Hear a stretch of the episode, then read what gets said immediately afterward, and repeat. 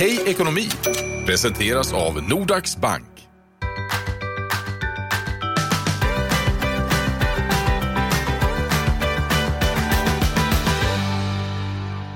Ja, hej ekonomi kallar vi det här. Idag ska vi prata familjeekonomi med Hanna från Nordax Bank. Hej Hanna! Hej Erik! Hej! Ekonomi kan ju vara en stor anledning till oro i en familj. Hur ska man liksom hantera det med sina barn? Hur pratar man pengar med barn egentligen? Har du några tips?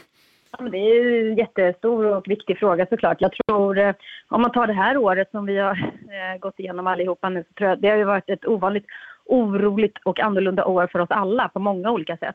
Som ett extra lager liksom, till pandemin så har ju dessutom den ekonomiska osäkerheten säkert varit ett faktum i många familjer och eh, blivit ett ämne som letat sig in vid middagsbordet kan man tänka sig. Så jag mm. tror att eh, det, det, och det är svårt att veta hur mycket barnen uppfattar och det är säkert beroende på barn och ålder på barn och sådär.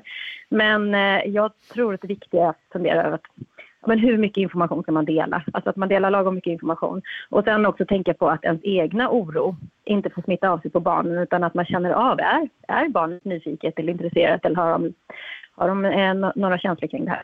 Så att man liksom inte lägger sin e-, egen oro eh, i knät på barnen. Och sen eh, att man som förälder då i första hand ska liksom inge trygghet, en känsla av kontroll, kärleken eh, och tryggheten där är viktigare än liksom, pengarna.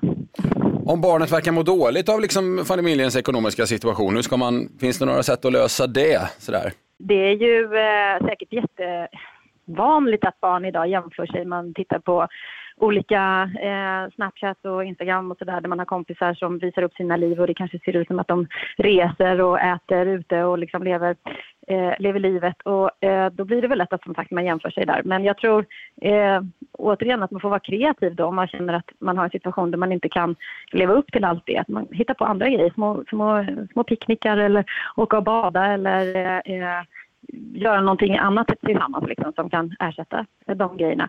Och sen så tror jag på att ge barnet också liksom en, en egen uppfattning om pengar. Alltså en egen eh, buffert, en månadspeng och, så att man förstår, barnen också förstår hur det funkar. Mm. Man har pengar, de kan ta slut. Hushålla lite med dem, ja precis. Mm. Om man då kommer liksom fram till det här beslutet att man behöver, man behöver låna pengar för att få det att gå ihop, familjeekonomin. Vad, vad, är det några saker man ska tänka på då, några speciella? Det är mycket man ska tänka på såklart. Eh, först och främst behöver man ju räkna på det noga. Så att eh, om man ska låna pengar så är det ju så att man lånar dem och då ska man kunna betala tillbaka dem. Så det är viktigt att man har säkerställt att, det, att, att man har råd faktiskt. Eh, och det finns det ju liksom Alltså alla banker har en kalkylator eller något räkneverktyg liksom som kan hjälpa till att räkna på det. Och sen så vilken typ av lån man ska ta då. Det finns ju olika. Det finns ju de som kallas ja, blanko privatlån. Det är väl egentligen två ord för samma slags lån. Vad, vad är, för, är, finns, är det någon skillnad däremellan liksom? Och... Nej, det är faktiskt eh, båda två är lån utan liksom, säkerhet som man säger då. Så att, eh, blanko tror jag egentligen bara är ett begrepp som, som används mindre och mindre. Men det är, det är, väl, det är samma typ av lån.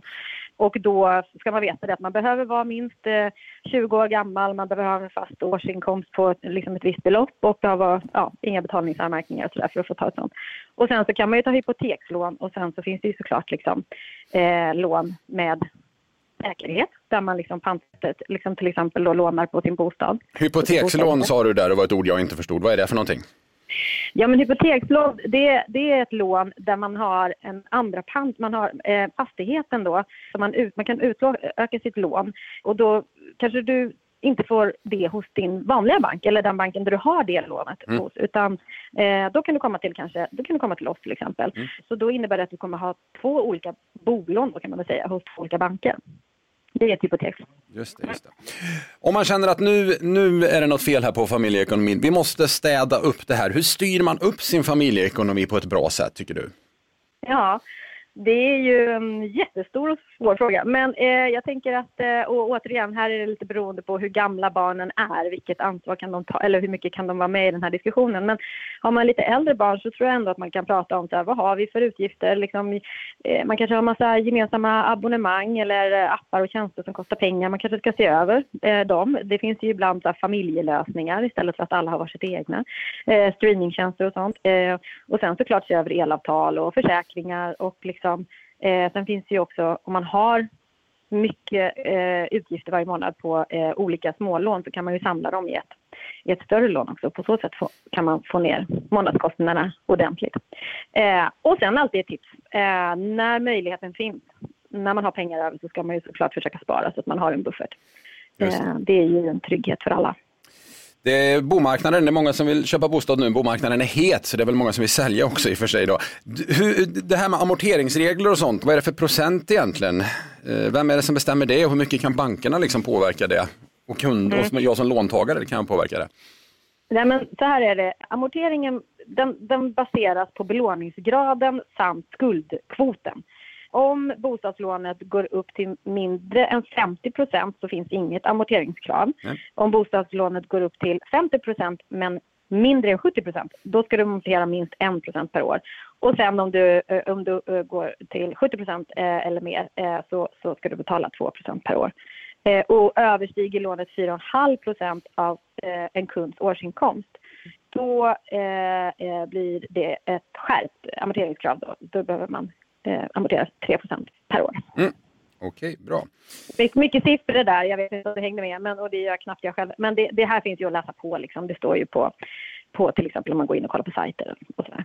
Sen har jag en lyssnarfråga här också, Hanna. Eh, den lyder så här. Jag har en del mindre lån. Är det en fördel att samla lånen som ett istället? Det där hör man ju många, många prata om.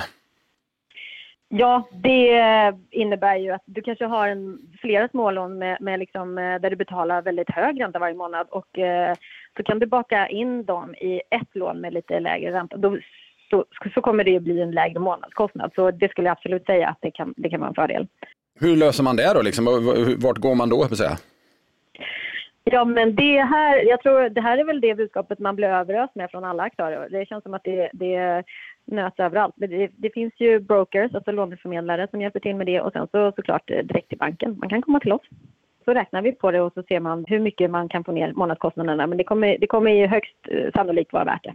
Okej Hanna, då tror jag vi avslutar podden för idag. Tack så jättemycket.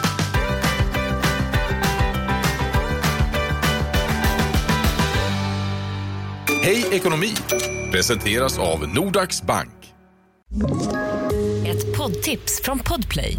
I fallen jag aldrig glömmer djupdyker Hasse Aro i arbetet bakom några av Sveriges mest uppseendeväckande brottsutredningar.